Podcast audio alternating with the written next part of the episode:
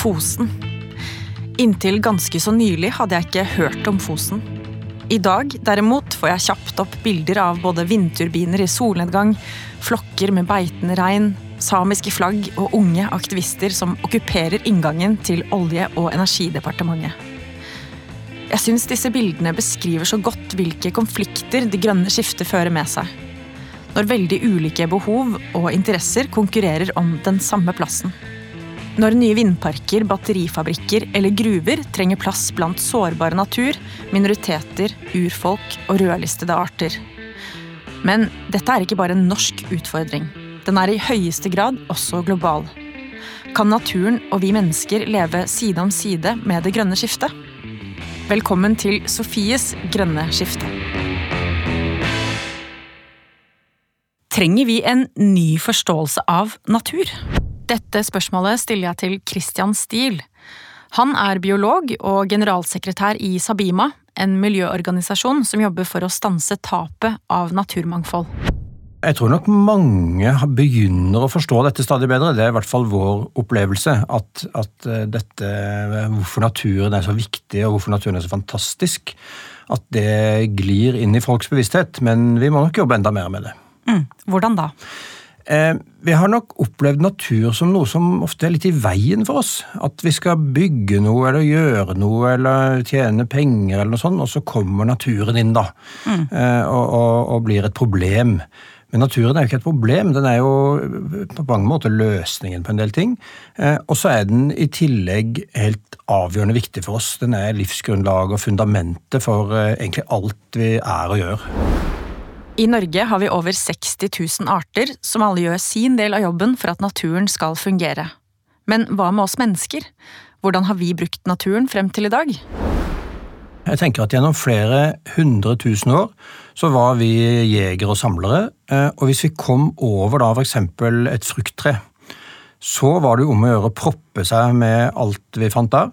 Fordi at eh, det kunne være lenge til neste gang. Eller hvis vi var så heldige å fange en krabbe eller en flyndre eller et eller annet, så spiste man seg mett og vel så det. Eh, og det er tror jeg, helt sånn hardwired da, i menneskets natur. Eh, og det har vi Det fins forskere som har kalt dette for luksusfella. At når vi mm. får tak i en ressurs, så vil vi gjerne monopolisere den og, og gjøre den så stor som mulig og dyrke den videre og sånn. Eh, og eh, Da vi særlig begynte med det, da, ifølge disse forskerne, det var da jordbruksrevolusjonen eh, tok til. Da fant vi ut at vi kunne temme dyr og, og planter i naturen og sette de i arbeid for oss. Og så tenkte vi at det var jo kjempelurt, men så skaffa vi oss sykt mye arbeid da, med å holde på med det, med å pløye og vanne og styre med dette her. Og så ble det kanskje ikke så luksusprega allikevel at vi kom på en måte i en felle. da, og Det er litt sånn som den, den moderne tidsfella òg, at vi, vi, eller tidsklemma. At vi mm. liksom jobber på spreng for å ha råd til å ta ferie. Vent litt. Luksusfellen?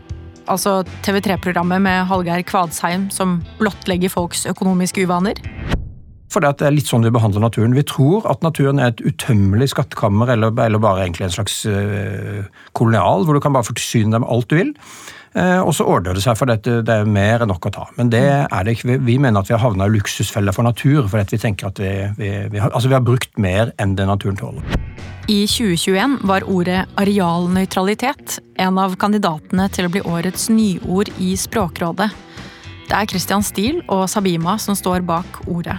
Men hva betyr det? Veldig enkelt sagt så betyr det at en skal ha balanse i arealregnskapet.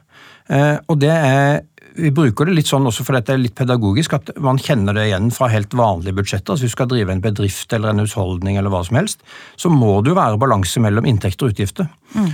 Og Vi tenker akkurat det samme med areal eller natur. da. Altså Kommunene driver gjerne med arealforvaltning, så derfor kaller vi det arealnøytralitet. Men noen snakker også om naturnøytralitet eller naturpositivitet, og det, det betyr egentlig det samme. Altså at vi, Hvis vi skal ødelegge noe natur, da, bygge ned, eh, dyrke opp, gjøre et eller annet sånt, så må vi sørge for at vi har like mye på inntektssida, altså at vi restaurerer og tilbakefører noe natur. Mm. Eh, og da får en balanse i areal- eh, og naturregnskapet sitt. Ja. Eh, og, og, da det blir jo summen at vi slutter å, å, ødelegge natur. Vi slutter å forbruke naturkapital da, som vi egentlig ikke har. Men hallo, vi nordmenn elsker jo naturen. Lange skiturer i påskesola. Toppturer som skal dokumenteres på Instagram. Hengekøyetrenden som kom under pandemien. Vi er jo friluftsfolk, er vi ikke?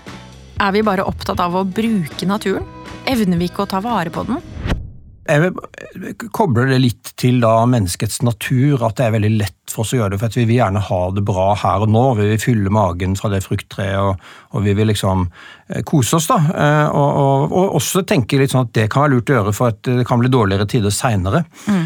Um, og da, eh, da, havner mange selvfølgelig da, i problemet at vi, ja, vi vil gjerne ta vare på natur, men akkurat den hytta trenger jeg, og vi må ha litt flere arbeidsplasser. og Hvis ikke vi vil utvikle det næringslivet, så blir det veldig vanskelig å, å få økonomien til å gå, gå i hop i denne kommunen vår, f.eks.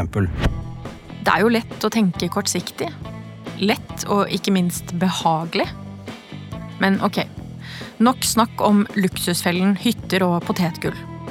Hva er det egentlig som står på spill her? Hvor alvorlig er det for naturen at budsjettet ikke er i balanse? Jo, Jeg er ganske bekymra for det, og det er jo også eh, måte, alle verdens beste forskere. Eh, vi har noe som heter Naturpanelet, som er måte, akkurat samme som Klimapanelet. Da, som, som, eh, er de beste forskerne rundt på hele kloden. og Jeg har møtt noen av dem. Det er, det er veldig gøy og inspirerende for at de er så flinke mm. og, og, kan så mye om natur, men også om hvordan natur og samfunn spiller sammen. da. Um, og De sier jo at, eh, at, dette er ganske alvorlig, at vi har eh, kanskje en million arter står i fare for å forsvinne. Eh, og at dette foregår over hele kloden. Vent litt. En million arter? En million er veldig mye. ja. eh, og, og, sånn er det faktisk også i Norge, at hver femte art står på rødlista. Altså, ja. så, så 20 da, av artene i Norge står også i fare for å forsvinne, faktisk. Men eh, hva med arten av type menneske? Hvordan rammes vi? Over tre milliarder mennesker er allerede påvirka av ødelagt natur. For det er vanskeligere å finne eller produsere mat, de blir mer ramma av flom. En del ting som også har med klima å gjøre, men som i tillegg skyldes at vi har tatt for dårlig vare på natur. Og så sier de at faktisk 10% av verdens økonomi går tapt hvert år som følge av ødelagt natur. Mm. Og det er jo kjempealvorlig. Mye ja. mer enn det som forsvant under pandemien eller forrige finanskrise og sånne ting. Mm. Så det er ganske alvorlig og viktig for oss. Eh, og samtidig eh, noe som er veldig lurt å gjøre noe med. Mm.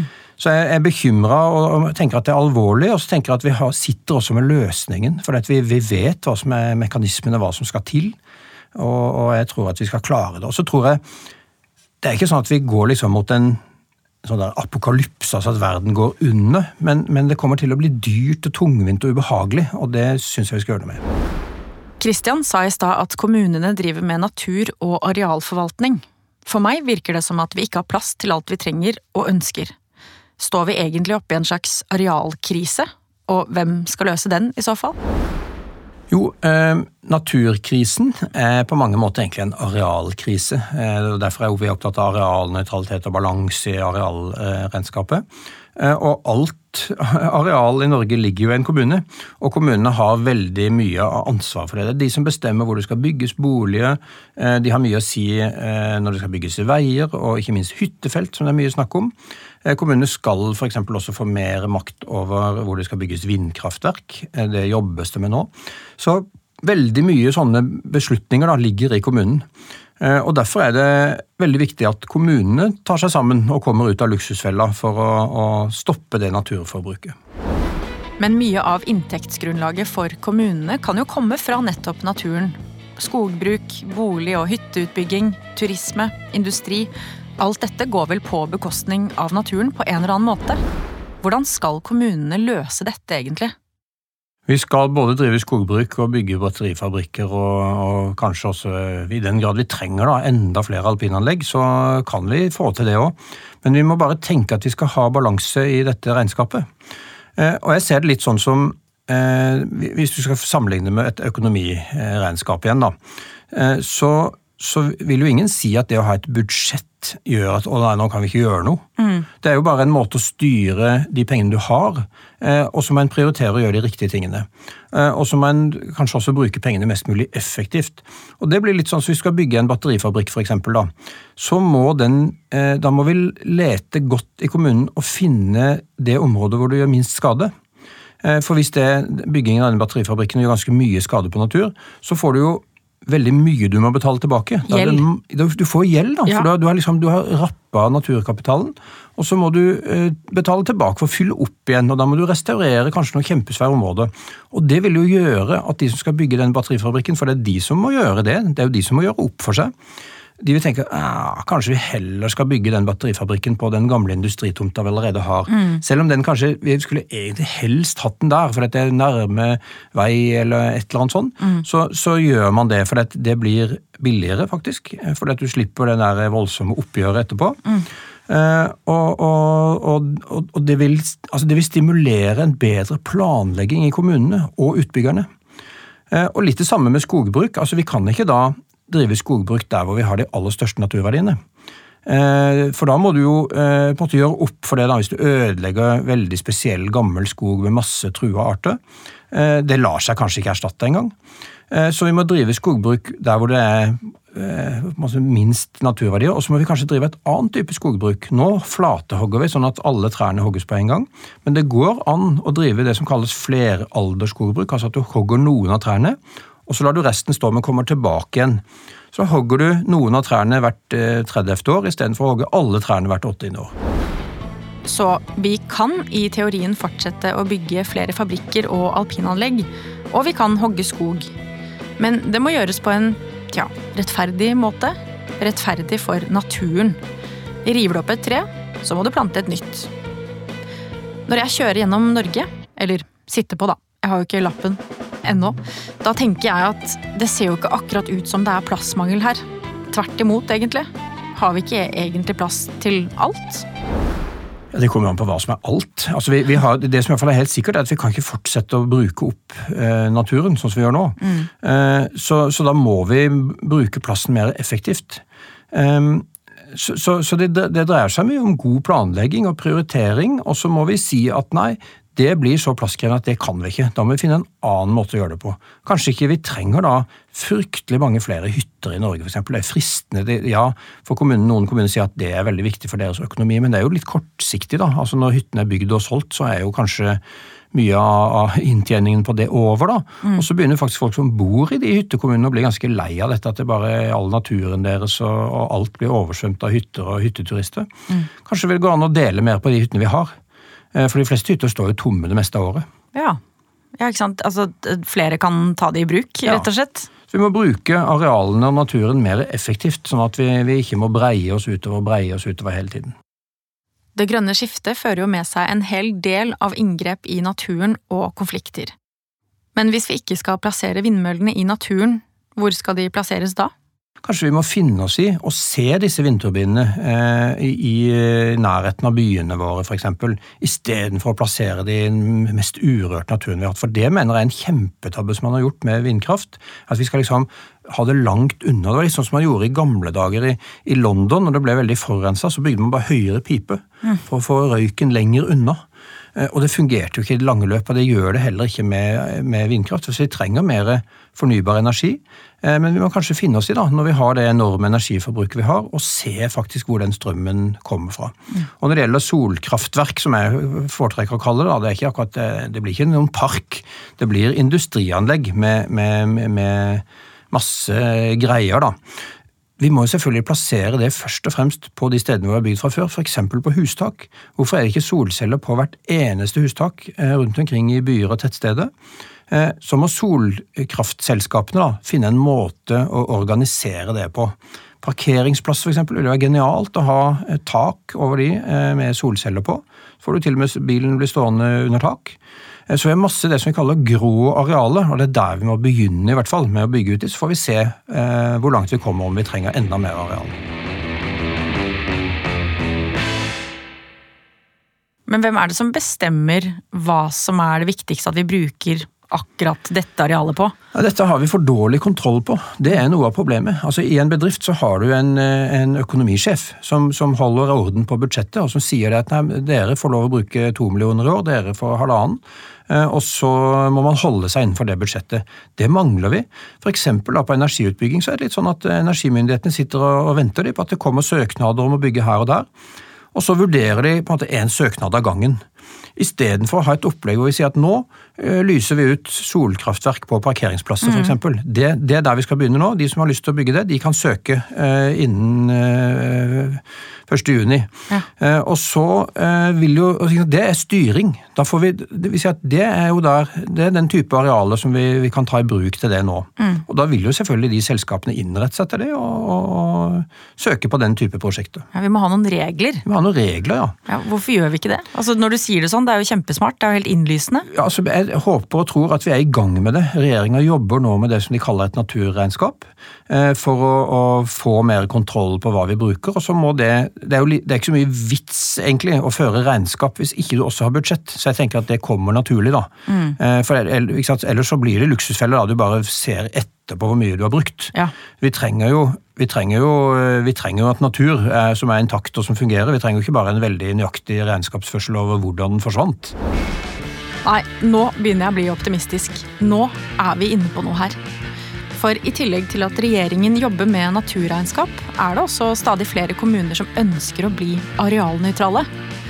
For tre år siden, altså i 2020, var det kun tre kommuner som jobbet for det. Mens i fjor, da var det 36 kommuner. Det vil si at i dag er det 10% av alle norske kommuner som av helt fri vilje er i gang med å jobbe med å bli arealnøytrale. Eller unnskyld meg, 10% Hvorfor jobber ikke alle kommuner for å bli arealnøytrale?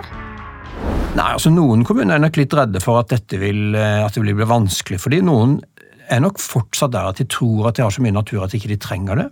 Eh, men stadig flere melder seg på, og det er jo mange flere enn de 36 som også har diskutert det. Og så, de, så er det litt sånn Vi har ikke en veldig sånn ferdig oppskrift på hvordan det skal gjøres ennå.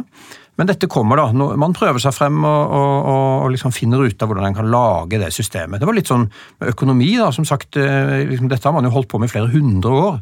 Med å lage systemer og handlingsregel og, og ditt og datt, ikke sant, for mm. å holde orden i økonomien. Så det vil kanskje ta noen år, da, men, men jeg opplever at, at uh, engasjement og interesse for dette øker veldig. Og kommunene gjør det fordi de vil det sjøl. De ser mm. at det løser noen problemer for dem. Og, og gjør kanskje kommunene bedre også å bo i for innbyggerne.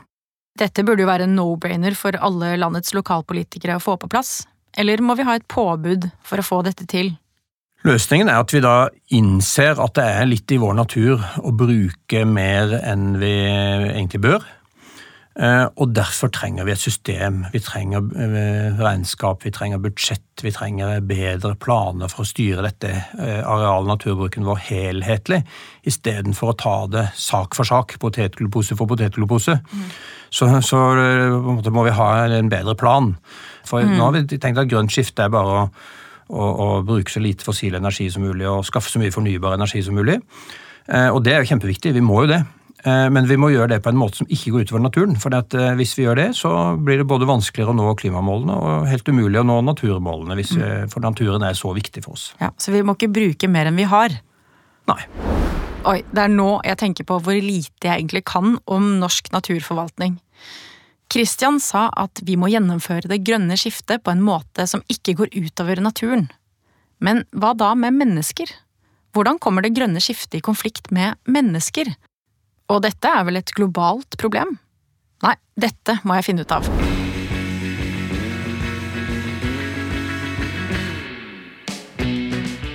På tide å heve blikket her, kjenner jeg. Det grønne skiftet krever store arealer og knappe ressurser. Ofte er det noen andre som allerede bruker disse arealene, og da kan det fort bli konflikt. I vinter okkuperte tusenvis av aktivister med og uten kofte departementene i Oslo sentrum mot vindkraftanlegget på Fosen og statens brudd på urfolks rettigheter. Omtrent samtidig ble urfolksaktivister møtt med skudd fra lokalt politi ved Statkrafts vannkraftanlegg i Chile. Anlegget ligger ved elven hvor mapuche-folket lever. Hvordan får vi til et grønt skifte som også er rettferdig for mennesker? Enten det er på Fosen eller i Chile. Heldigvis finnes det noen som kan mye om dette. Nå skal jeg snakke med Benedicte Bull, professor ved Senter for utvikling og miljø ved Universitetet i Oslo. Først av alt, Benedicte. Gjelder dette bare meg, eller er vi faktisk litt selvopptatte her på berget? Jeg tror egentlig det gjelder eh, de fleste av oss. Eh, vi er veldig selvopptatte her på berget. Så tror jeg kanskje folk eh, andre steder i verden også er ganske selvopptatte. Men jeg syns jo hele klimadebatten her hjemme er utrolig navlebeskuende. Det dreier seg om hva vi skal gjøre, og konsekvenser eventuelt for vår natur. Ikke det fotavtrykket vi har rundt omkring i hele verden. Mm. Hvorfor tror du det er sånn? Det er vel ganske det er vel ganske naturlig å være opptatt av det som er, er nærest. Og så ja. opplever jeg litt at for mange så er det å tenke på miljø i seg selv en stor bøyg. Og når mm. de har begynt å tenke på klima, da må jo alt være bra. Mm. Da må vi jo på en måte ha oppnådd noe hvis vi gjør noe som er redusere klimautslipp. Og så tenker vi ikke på alle de andre utfordringene som ligger rundt det. Hva er det Fosen-saken har lært oss? Jeg tror Fosen-saken for mange har vært litt en vekker. Eh, fordi, eh, som jeg sa, liksom det med klima, gjør vi noe, skaper vi fornybar energi, det må jo være, bare være bra. Og så skjønner vi at det også skaper masse konflikter. Vi har jo sett det i forhold til vindkraft. Eh, vindkraftutbygging mange steder som har skapt masse konflikter. Og så har vi kanskje ikke helt skjønt eh, hvor omfattende egentlig urfolksrettigheter er. Eh, og så hva vi på en måte har i lovverket vårt allerede fra for lenge siden. Og så har det nok kanskje også vært litt en vekker at, eh, vekker for noen at nei, det går faktisk ikke an bare å late som dette går bort av seg selv. For mm. det er jo det vi egentlig har gjort. Benedikte har bl.a. forsket på samfunnsendringer i Latin-Amerika. Jeg spør henne hvordan det grønne skiftet ser ut der det er faktisk ganske mye som går sånn tålelig bra i Latin-Amerika når det gjelder det grønne skiftet. De er foran oss når det gjelder eh, liksom, eh, for, Eller foran verdensgjennomsnittet når det gjelder bruk av fornybar energi. Eh, hovedsakelig vannkraft, også litt sol og vind. Eh, og eh, det er en bevissthet blant folk om klimaendringene, og det er jo kanskje fordi de aller størst grad er ofre for klimaendringer. altså Med hyppige flommer og, og ekstremvær. Tørke. Chile har hatt tørke siden 2007 og er i ferd med å gå tom for vann.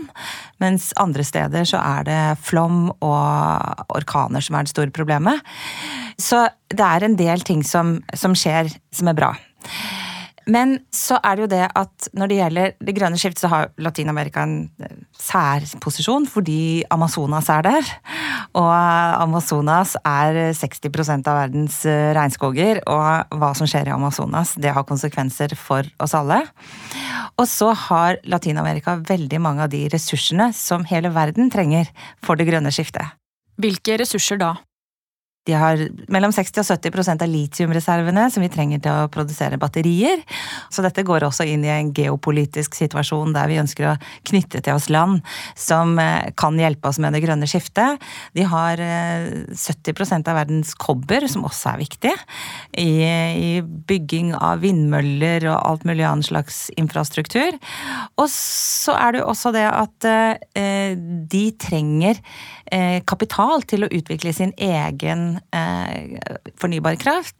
Og det har i de fleste av de landene ikke selv. De får utenlandsinvesteringer. De kommer eh, i veldig stor grad fra enten Kina eller Europa. Mm. Eh, kinesiske investeringene i eh, særlig Brasil er de største kinesiske investeringene utenfor Asia. Og det gjør også at alt dette her eh, Det får veldig store politiske dimensjoner. Eh, i mange av tilfellene. Og så har du jo også det der, som vi har i Norge, at veldig altså store deler av i hvert fall mange land i Latin-Amerika er urfolksterritorier. Og derfor så skaper jo både utbyggingen av kraft og utgravningen av de mineralene som, man, som vi trenger til vårt grønne skifte, store konflikter. Mm. Ja, og det er jo akkurat det at vi har behov for både arealer og mineraler. Eh, hvorfor blir det så mye konflikter knytta til eh, det grønne skiftet? Det er lett å forklare, egentlig. For det første så er det jo konflikter i forhold til det at vi må omstille oss. At eh, noen kommer til å måtte miste jobben, noen må gjøre noe helt annet, noen kommer til å tape noen penger. Men eh, det grønne skiftet krever eh, arealer, det krever knappe ressurser. Og det skaper jo konflikter, egentlig, uansett hvor i verden det skjer. Fordi arealene har vært brukt til noe annet før. Ofte så kan, kan når man ser på liksom et kart eller ser innover viddene, så ser det ut som her har du endeløst med plass. Mm. Men det er faktisk noen som bruker det. Og, og, og naturen bruker det også. Mm. Eh, Og så i Latin-Amerika, mange steder, så er det områder hvor staten ikke er helt til stede, hvor det ikke er etablert eh, gode altså, rettigheter til jorda. Du har kanskje væpna grupper som kontrollerer områdene, og ikke stater. Eh, store internasjonale selskaper leier seg eh, private sikkerhetsselskaper eller leier politiet for å, å passe på sine installasjoner uten at det er noe ordentlig rettsapparat rundt. Og det skaper jo konflikter egentlig uansett. Der er det ikke noe sånn spesielt med om, de, om, om selskapet er, produserer vannkraft, eller om de eh, pumper opp olje i jungelen. Så er det ikke sånn særlig stor forskjell, men opp, de opererer i områder med svake institusjoner, og da blir konfliktene ofte også veldig voldelige. Mm. Så der, Derfor er jo Latin-Amerika det stedet i verden hvor flest miljøvernaktivister blir drept. Er det mulig å finne gode løsninger med ofte så veldig motstridende interesser?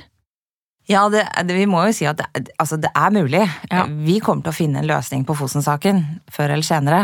Men eh, der det er veldig vanskelig, er jo når det er lang historie av, eh, av over tramp, og, og, noen er blitt dominert og holdt nede. Sånn som det er eh, Altså, vi har jo også en historie med samisk kultur som er blitt undertrykt, mm. eh, men den er jo enda mer voldelige i f.eks. et land som Chile, som ble nevnt, eh, hvor eh, mapuchene i Sør-Chile det var et nomadisk folk som spanjolene aldri klarte å legge under seg. Men eh, de er blitt fordrevet og undertrykt gjennom 500 år. Og det er så mye historie og mistillit til den chilenske staten at uansett hvor gode løsninger man nå prøver å komme med, så vil det være mange som er imot, rett og slett fordi de ikke har noen grunn til å stole på staten, og de har kanskje en familiehistorie med, eh, med slekt som har mistet gård og grunn, som er blitt drept. Så det, det er så mange andre egentlig dimensjoner i dette her enn akkurat det som har med bruk av kanskje den ene elva å gjøre. Mm. Og derfor sånn for eksempel den saken som nå var oppe eh, altså, Vi hadde jo besøk av en gruppe eh, mapuche-ledere i Norge. Eller én leder og en gruppe mapucher, eh, og de protesterte mot Statskraft-utbygging i Sør-Chile. Mm. Den utbyggingen er egentlig ganske minimal, og det er veldig mange urfolk i området som ikke syns den gjør noe i det hele tatt. Den kommer ikke til å ødelegge en elv. Det er mye, mye mindre. Det kan ikke sammenlignes med Alta-utbyggingen, f.eks. Eh, men så er det noen som føler at det blir tatt stadig litt vekk fra dem. Eh, og det går inn i en lang historie med undertrykking mm. og manglende tillit til institusjoner. Eh, mm. Og til den chilenske staten, og selvfølgelig til internasjonale selskaper som Statkraft, som, som staten har vært med på å bringe inn. Så jeg tenker altså jeg syns kanskje det som har drukna litt i debatten om det grønne skiftet, det er hvordan å styrke institusjoner. Altså Hvis man ikke har stater og rettsapparat og demokratiske institusjoner som fungerer, så klarer vi ikke å, å, å nå det grønne skiftet. Eh, og det er kanskje en debatt som er altså, I Norge tar vi det litt for gitt. Det er ikke noe som tyder på at det norske demokratiet skal falle med det første. Men, men det er jo eh, saker som er mye mer sånn eh, sårbare i mange andre land. Mm. Hva er det som må til, tror du, for at vi skal få til disse gode løsningene? Enkle svar er eh, dialog, og vi må lytte mm. til hverandre, og det er det man prøver å få til. Og det er jo kjempevanskelig. Mm. Men altså, man er rett og slett nødt for å sette seg ned sammen og se på om, og, det, og det tenker begge på alle, alle, parter i konflikten. Vi må innse at vi er på en måte liksom på kanten av stupet. At eh, nå må vi se hva er det vi kan gi, eh, og hva er det vi er nødt for å forsvare. For dogmatisme tror jeg vi må bare bli ferdig med eh, når det gjelder vår livsstil. Men også faktisk noen urfolk må gi opp kanskje noen eh, kvadratmeter mm. for at eh, vi skal få det til. Men selvfølgelig så må man ta vare på helheten oppi det hele. Så kunnskap tenker jeg også er kjempeviktig. Å hei sann, her var det litt eh, vanskelige ord. Det er kanskje ikke alle som vet hva dogmatisme er? Dogmatisme, altså at man, man er Man har noen, noen ting man Altså, man ikke vil fire på. At man, man har en én tanke. Mm. Det var sikkert en veldig dårlig forklaring. Ja, veldig... Håper ikke filosofen hører på oss nå, altså. men, eh, men det og, og vi er nødt for å, å, gi og ta her, tror jeg. Mm. Eh, på alle sider. Og så tror jeg faktisk ikke det fins liksom én løsning på alle konflikter. Mm. Altså, det er så mye lokal kontekst her, eh, og det, man må sette seg ned og skjønne, lære om den lokale konteksten, høre på folk, og så komme fram til en eller annen løsning i de ulike tilfellene. Ja, og høre på folket. Eh, aktivister, eh, hva slags rolle spiller de, tenker du? Altså, um er, aktivist er jo egentlig veldig mye forskjellig. Mm. Det kan være en eh, Mapuche-leder, eh, som selvfølgelig er aktivist, men også en liksom, lokal representant som, fra området. Jeg tenker Det er veldig viktig for at ulike saker skal bli hørt. Og så har du et annet nivå aktivister, som er mer sånn internasjonale aktivister, som går og som støtter ulike grupper her og der. Og det er klart at det er viktig for å fremme de sakene. Jeg syns jo også av og til det bidrar til at sakene blir fremstilt veldig ensidig. Eh, fordi eh, sånne lokale konflikter er ofte veldig komplekse. Det er ikke alle mapuchene som har det samme synet, det er ikke alle urfolk som mener det samme. Og i en sånn når, når støynivået blir veldig hørt, så er det på en måte bare én stemme som høres. Eh, og, og internasjonale aktivister har jo kanskje en liten tendens til å bidra til det. Mm. Men vi er absolutt helt avhengig av det. Fordi at det er mange saker som ville gått under radaren mm. hvis ikke man hadde hatt ihuga aktivister. I 1987 leverte daværende statsminister Gro Harlem Brundtland FN-rapporten Vår felles fremtid, som bl.a. sier at energiforbruket i rike land er for høyt, og at dagens behov ikke må gå på bekostning av fremtidige generasjoner. Altså en bærekraftig utvikling. Hvordan henger det grønne skiftet sammen med utvikling? Man kan jo si, altså Det er mange måter å definere utvikling på. altså Man har satt så mange bindestreker at ikke man aner hva det betyr til slutt. Men eh, jeg tenker utvikling i utgangspunktet er økonomisk vekst, eh, modernisering og teknologisk oppgradering som sammen skal være med på å, å lage bedre liv for menneskene på et eller annet vis. Mm. Um, og man kan jo si at hele det, den miljøkatastrofen vi er en del av nå, uh, henger jo sammen med utvikling. Det er jo fordi at man har skapt utvikling, og utvikling innebærer jo å underlegge seg naturen på en eller annen måte for å gjøre livet, livene lengre og mer behagelig for menneskene. Mm. Uh, og uh, så, så, er det jo også masse debatt nå da om kan vi tenke oss utvikling uten at det øker klimautslipp, og uten at vi øker, eh, øker ødeleggelsene av naturen og eh, overforbruket av naturressurser. Og det er jo den store debatten nå, egentlig. Så den står mellom eh, de som snakker om en grønn utvikling eller økologisk modernisering, og de som snakker om nedvekst eller miljørettferdighet. Og så mellom der er det sikkert veldig mange eh, mange ulike nyanser.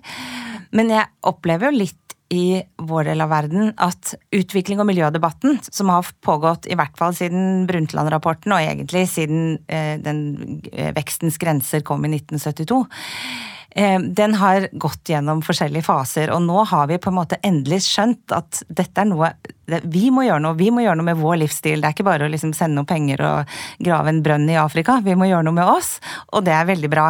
Men samtidig så føler jeg at vi begynner å glemme litt at det er faktisk ganske mange som ikke har nok mat. Det er mange som ikke har rent vann. Det er mange som trenger utvikling. De trenger mm. en oppgradering eh, av, eh, for å ha eh, gode liv. Og det opplever jeg at begynner å drukne litt, mm. egentlig. Mm i debatten. Og det er den store, den store skillelinjen i masse, alle sånn miljøforhandlinger mm. globalt. I klimaforhandlingene, i forhandlingene om forsvaring, for, forsvar av naturmangfold.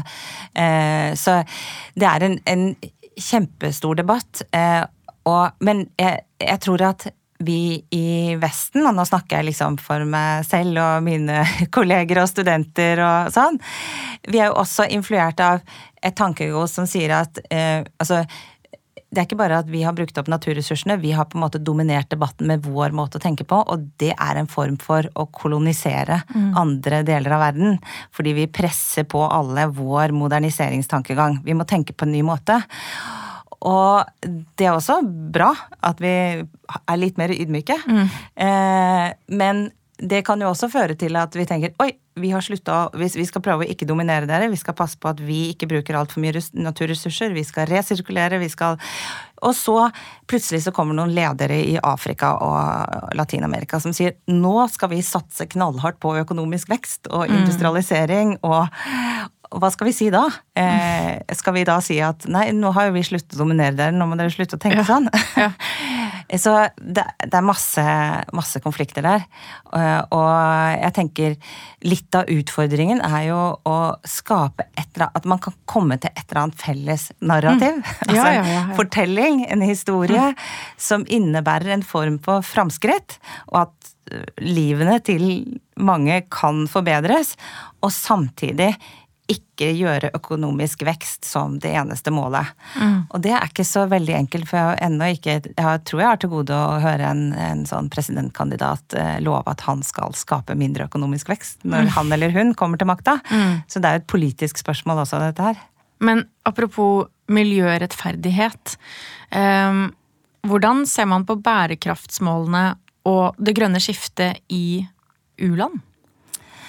Ja, det er veldig interessant at du bruker begrepet u-land nå, for jeg gikk på såkalt u-landsstudie på 90-tallet, og da lærte vi at det har vi slutta å bruke, for det ja. er litt sånn nedlatende. Ja. Men det er jo ikke bare du som gjør, det er kommet tilbake pga. denne konflikten mellom nord og sør. Ja, Hva skal man kalle det da? Eh, det er så vanskelig. Vi finner på alle mulige måter å late som vi ikke sier u-land på. Så det er ikke så Det er tilgivelig. Men altså, det er jo en veldig eh, Altså en gruppe av land som er veldig forskjellige. Eh, Kina er jo offisielt sett et u-land i klimaforhandlinger. Og de har virkelig omfavnet eh, bærekraftsmålene som en plattform for å eh, Ja, og også ta lederskap internasjonalt, men, men videreføre utvikling. Eh, i alle fasetter, eh, og samtidig redusere klimautslipp. Jeg vil jo si at det med naturbeskyttelse av naturmangfold, selv om Kina var faktisk leder av den siste konferansen, eh, det er jo mye lenger ned på agendaen i Kina. Eh, men det er jo heller ikke helt tilfeldig at det ikke finnes noe bærekraftsmål om demokrati. Det er vel også delvis fordi at Kina omfavnet dem sterkt, men også påvirket hvordan de ble utformet. Men så har det jo andre land i Altså mye mindre fattigere land som ser på dette som en mulighet kanskje til å, få, å tiltrekke seg mer bistand, investeringer, til en utvikling som ikke er så veldig forskjellig fra den de så for seg for mange for mange år siden. Og så har du andre land igjen. altså I Latin-Amerika så har du flere av de store pionerene når det gjelder det grønne skiftet. Costa Rica er en av dem. Der har man jo allerede oppnådd nullvisjonen, som vi har, er ser langt inn i fremtiden. Mm.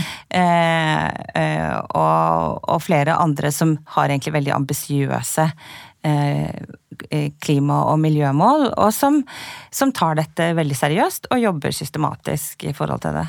Mm. Vi derimot har jo nesten glemt bærekraftsmålene. Nå må jeg stille et ganske stort spørsmål her. Kan vi klare å få til et grønt skifte, få folk ut av fattigdom, samtidig som vi tar vare på menneskerettigheter? Jeg kan ikke si jeg er sånn kjempeoptimistisk akkurat nå, men jeg tror det, jeg tror det går. Eh, jeg tror det er mulig, og jeg tror det krever at vi, vi tenker helt nytt om vårt forbruk. Eh, at vi prøver å se hva vi gjør her, i sammenheng med hva som skjer ute i verden hele tiden. Eh, vi får jo liksom dryppvis nyheter om eh, lass med søppel i den chilenske ørkenen fordi det er så stor overproduksjon av klær, og barnearbeid i Kongo pga. koboltproduksjon og sånne mm. ting. Altså følge med på hvordan ting henger sammen, og, at, og tenke hele tiden at vi er, ikke, vi er ikke en liten øy her oppe. Vi er en del av en stor, både en stor global kapitalistisk økonomi og et økologisk eh, system, og selvfølgelig så, så er vi en del av den samme atmosfæren. Så tenke globalt hele tiden. Eh, hvis vi klarer på et eller annet vis å gjøre det, så tror jeg det er mulig. Eh, og, og, å, å, være pragmatiske og tenke også at, at det, Altså, jeg har gitt opp tanken på å komme med liksom den store utviklings- og miljøteorien, eller til og med begrepet, som skal eh, gjelde for alle, alle, steder og alle land. Men altså, finne gode løsninger eh, lokalt og tenke globalt.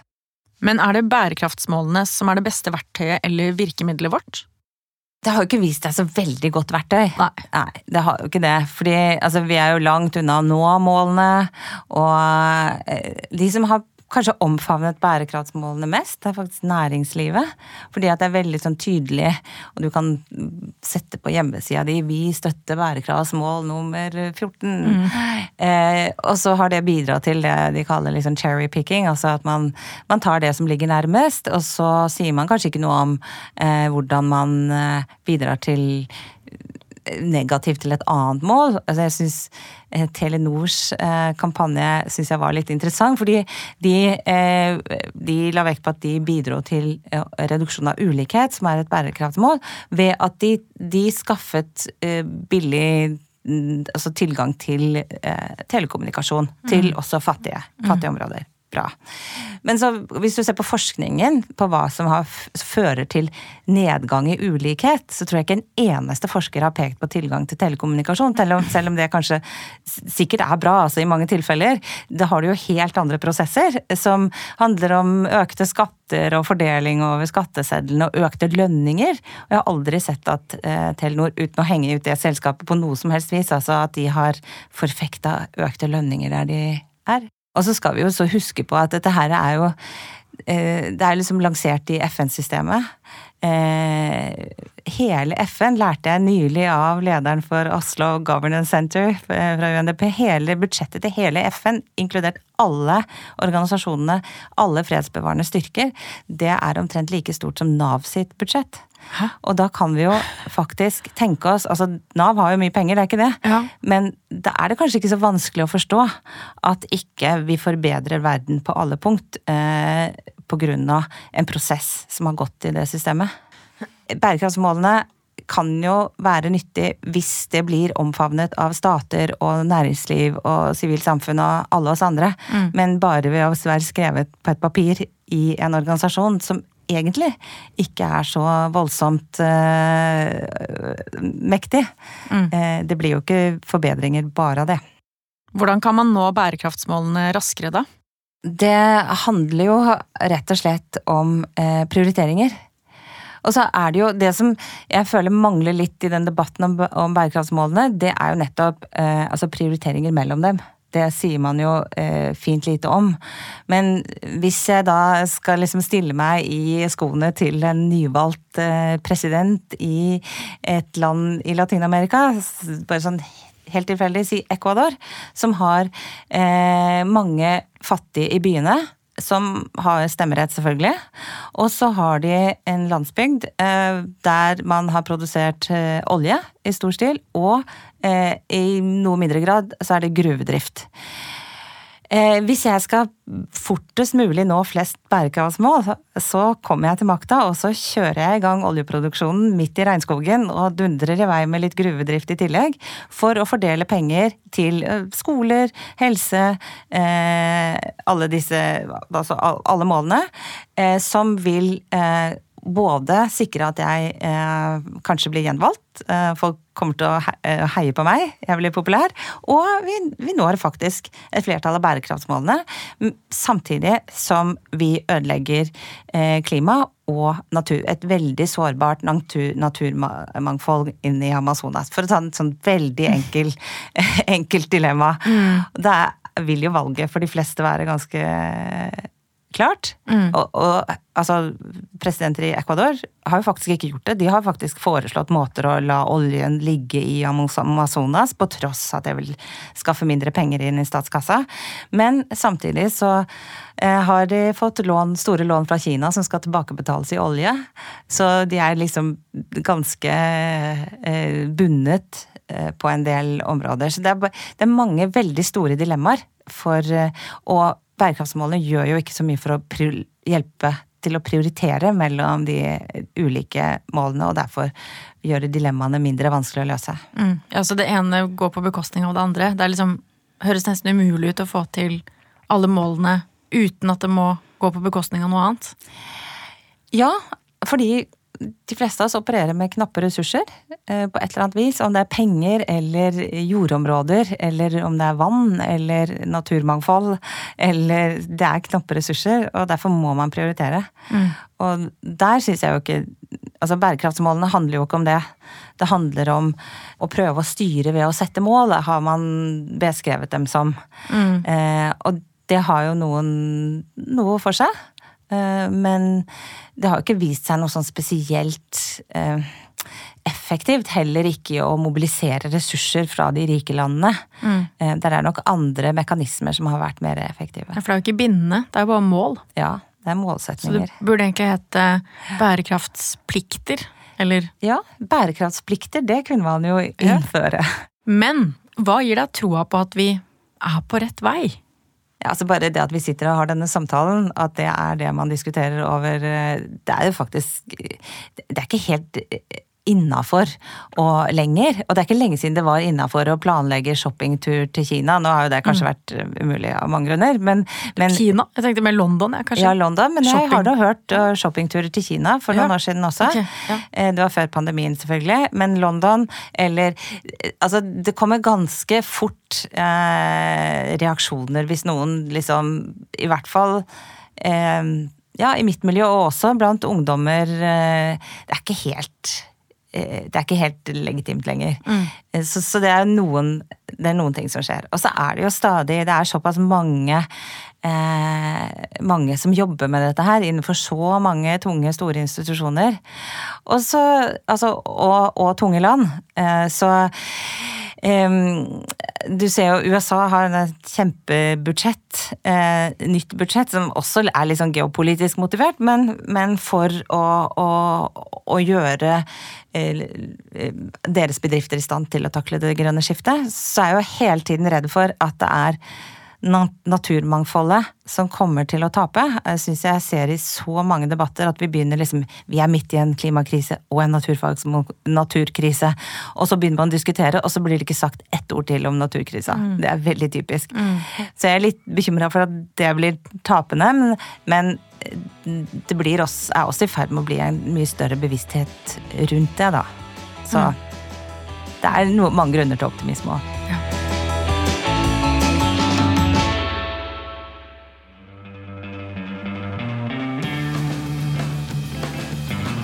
Denne podkasten er fra Universitetet i Oslo ved ansvarlig produsent Arild Blomkvist.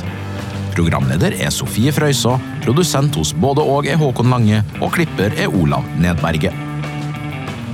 Dersom du likte denne podkasten, vil jeg anbefale Sofiekuppel Norge, hvor Sofie Frøysaa inntar rollen som diktator, og gjennom seks episoder finner oppskrifter på å kuppe Norge. Dette er en episode i Universitetet i Oslo sin podkast Universitetsplassen. Her hører du forskere og gjester snakke om et vidt spekter av tema og viktige samfunnsspørsmål.